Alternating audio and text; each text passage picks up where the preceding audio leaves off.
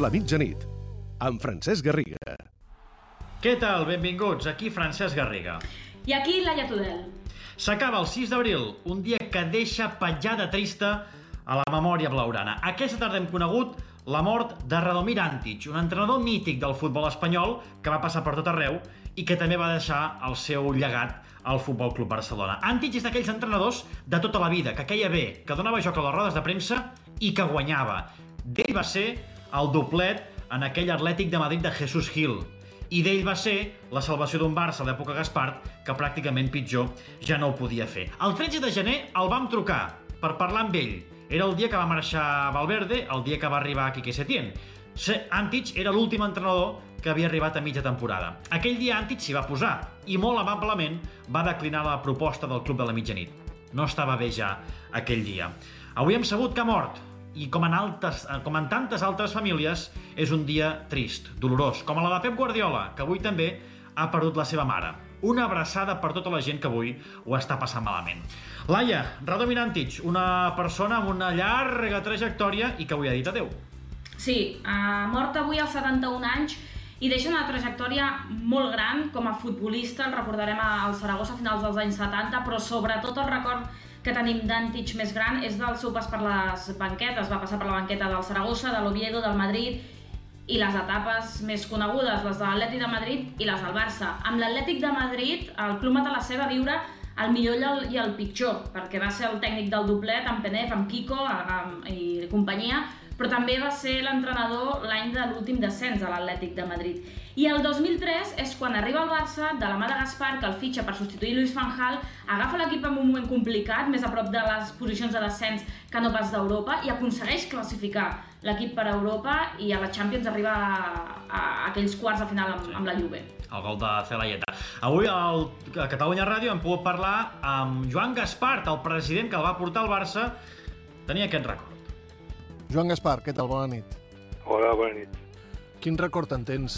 Jo, boníssima, en tots els aspectes. Jo el vaig anar a fitxar, encara recordo, a Madrid, estava allà i el vaig demanar que vingués a Barcelona si podíem intentar que acabés la temporada el millor possible, cosa que va aconseguir. Va ser arribar ell i començar a pujar fins a arribar a classificar-se per la UEFA, no? cosa que, que estava difícil quan ell va entrar, no? humanament, que per mi és molt important, un home eh, sensible, eh, em trucava pel meu sant, em trucava pel meu cumpleaños, eh, quan ens veiem sempre tenia un carinyo de, de record, eh, sempre em deia el mateix, no? de que tenia un gran record del, del temps que va estar, dels mesos que va estar a Barcelona. L'època d'Antich al Barça va ser curta, però hi va coincidir, aquells mesos, el Bernat Soler. Li han demanat que ens recordi la figura d'aquest exentrenador del Barça que ha mort avui als 71 anys, Bernat Soler. Bona nit. Doncs un dia realment trist. Vaig conèixer Antich en la seva època d'entrenador del Barça. El vaig tractar i he de dir-vos que dins del món hiperprofessionalitzat del futbol ha estat de les persones més afables i properes que he pogut conèixer. Va arribar en un moment crític. El Barça era 15è a 3 punts del descens, venia de la segona etapa de Fanjal a la banqueta i segurament estem parlant d'un dels moments més baixos de la presidència de Joan Gaspart, amb un Barça eh, molt malament i en, i en perill. Bé, va arribar, va tocar quatre cosetes, va aplicar sentit comú i al final va salvar els mobles. I què vol dir això? Doncs simplement va classificar l'equip sisè al final del campionat per eh, la Copa de la UEFA, eh? competició europea que el Barça va poder disputar la temporada següent ja amb Rijkaard a la banqueta. I al marge de salvar els mobles i de fer la feina que se li va encarregar, va deixar una bona empremta personal. Jo recordo una anècdota personal com per exemple va ser el moment que el Barça de bàsquet, que dirigia el seu compatriota Svetislav Pesic, va guanyar l'Eurolliga al Palau Sant Jordi.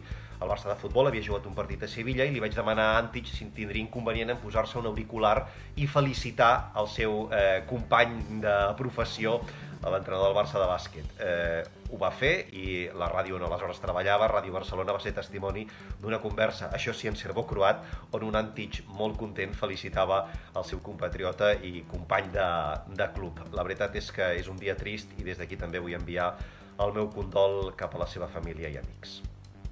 Passem pàgina, uh, Laia, perquè avui hem tingut uh, notícia també d'un fet poc habitual al món del futbol. Un propietari de club demanant disculpes als aficionats.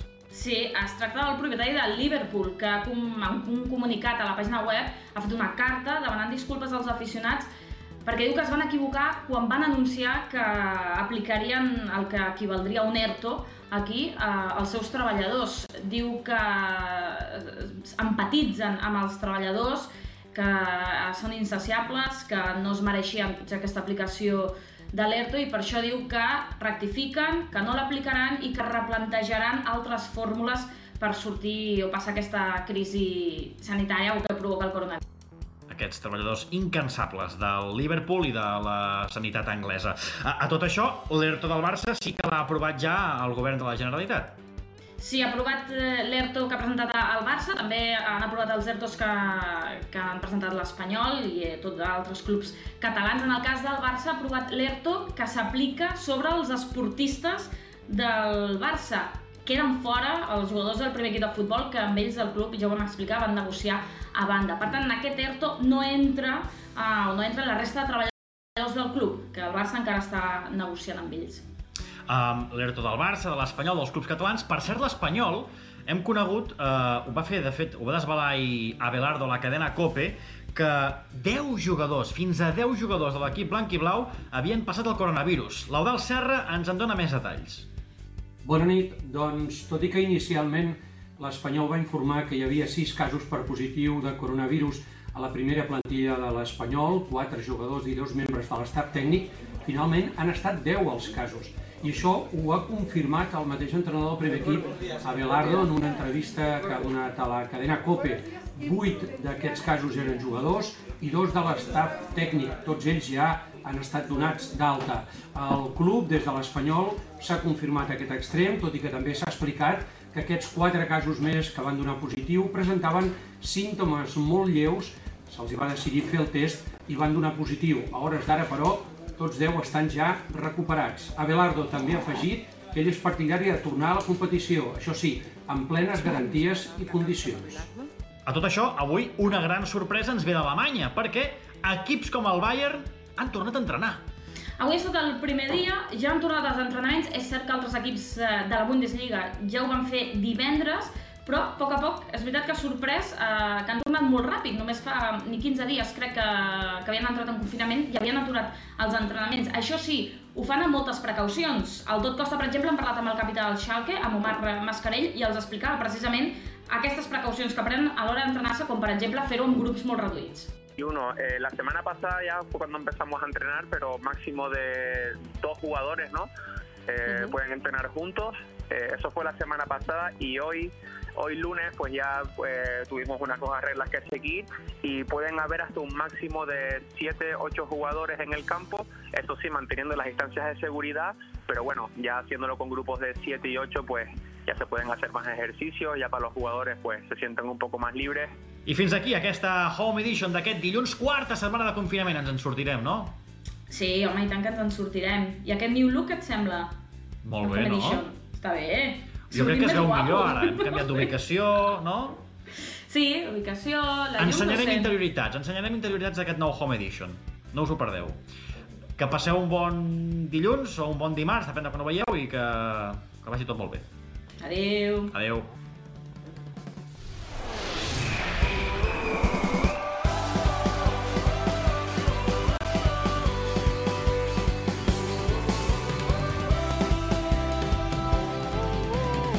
De la Mitjanit,